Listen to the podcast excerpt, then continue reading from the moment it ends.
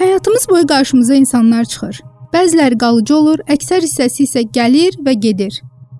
Bizim isə onlar üçün ayıracaq diqqətimiz, qayğımız, sevgimiz həmişə olur.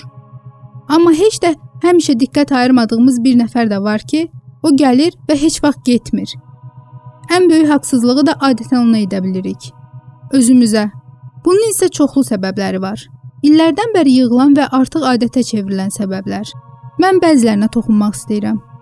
İlk olaraq bizim üçün özümüzü sevməklə narsistlik demək olar ki, eyniləşən anlayış kimi çıxış edir. Elə təkcə bu düşüncə bizim özümüzlə bağlı məsələlərdən necə uzaq olduğumuzu göstərməyə kifayət edir. Bunu ayırd etməklə başlaya bilərik. Hətta özünü sevmədən başqalarını gerçəkdən sevə bilməyəcəyimizə inanaraq.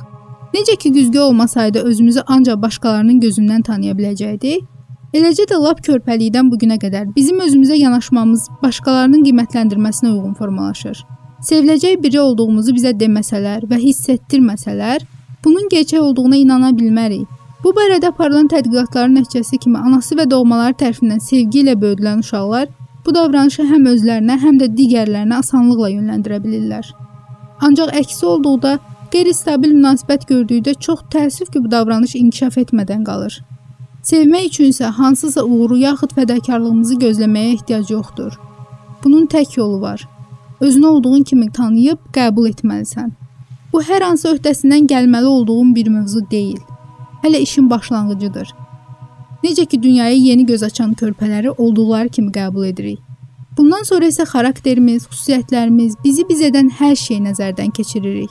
Elə indi də edə bilərik. Özümüzlə bağlı 20-25 xüsusiyyəti yazaraq, işin ən əsas tərəfi isə illərdir görməzdən gəldiyimiz, yeni xüsusiyyətlərimizi kəşf etmədən yayındığımız insana fikir verərək başlaya bilərik. Bütün müsbət və mənfi xüsusiyyətlərimizə sahib çıxaraq, necə dəyərli insanam, nə qədər şeylə savaşmışam, Nə qədər qalib olmuşam, nə çox şey yaşamışam. Bizim gözlədiyimiz sehrli bir toxunuş, çox uğurlu, güclü, bacarıqlı, çox ağıllı, daim mükəmməl insandır. Sevilməyə ancaq bu zaman layiqik. Əgər aşağı-yuxarı özünü sevmək üçün belə səbəblər gözləyirsənsə, tanış ol. Sən özün üçün ən qəddar düşmənsən.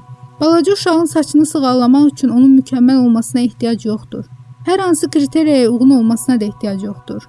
O orada olduğu üçün diqqət və qayğıya layiqdir. Bu qızıl qaydadır.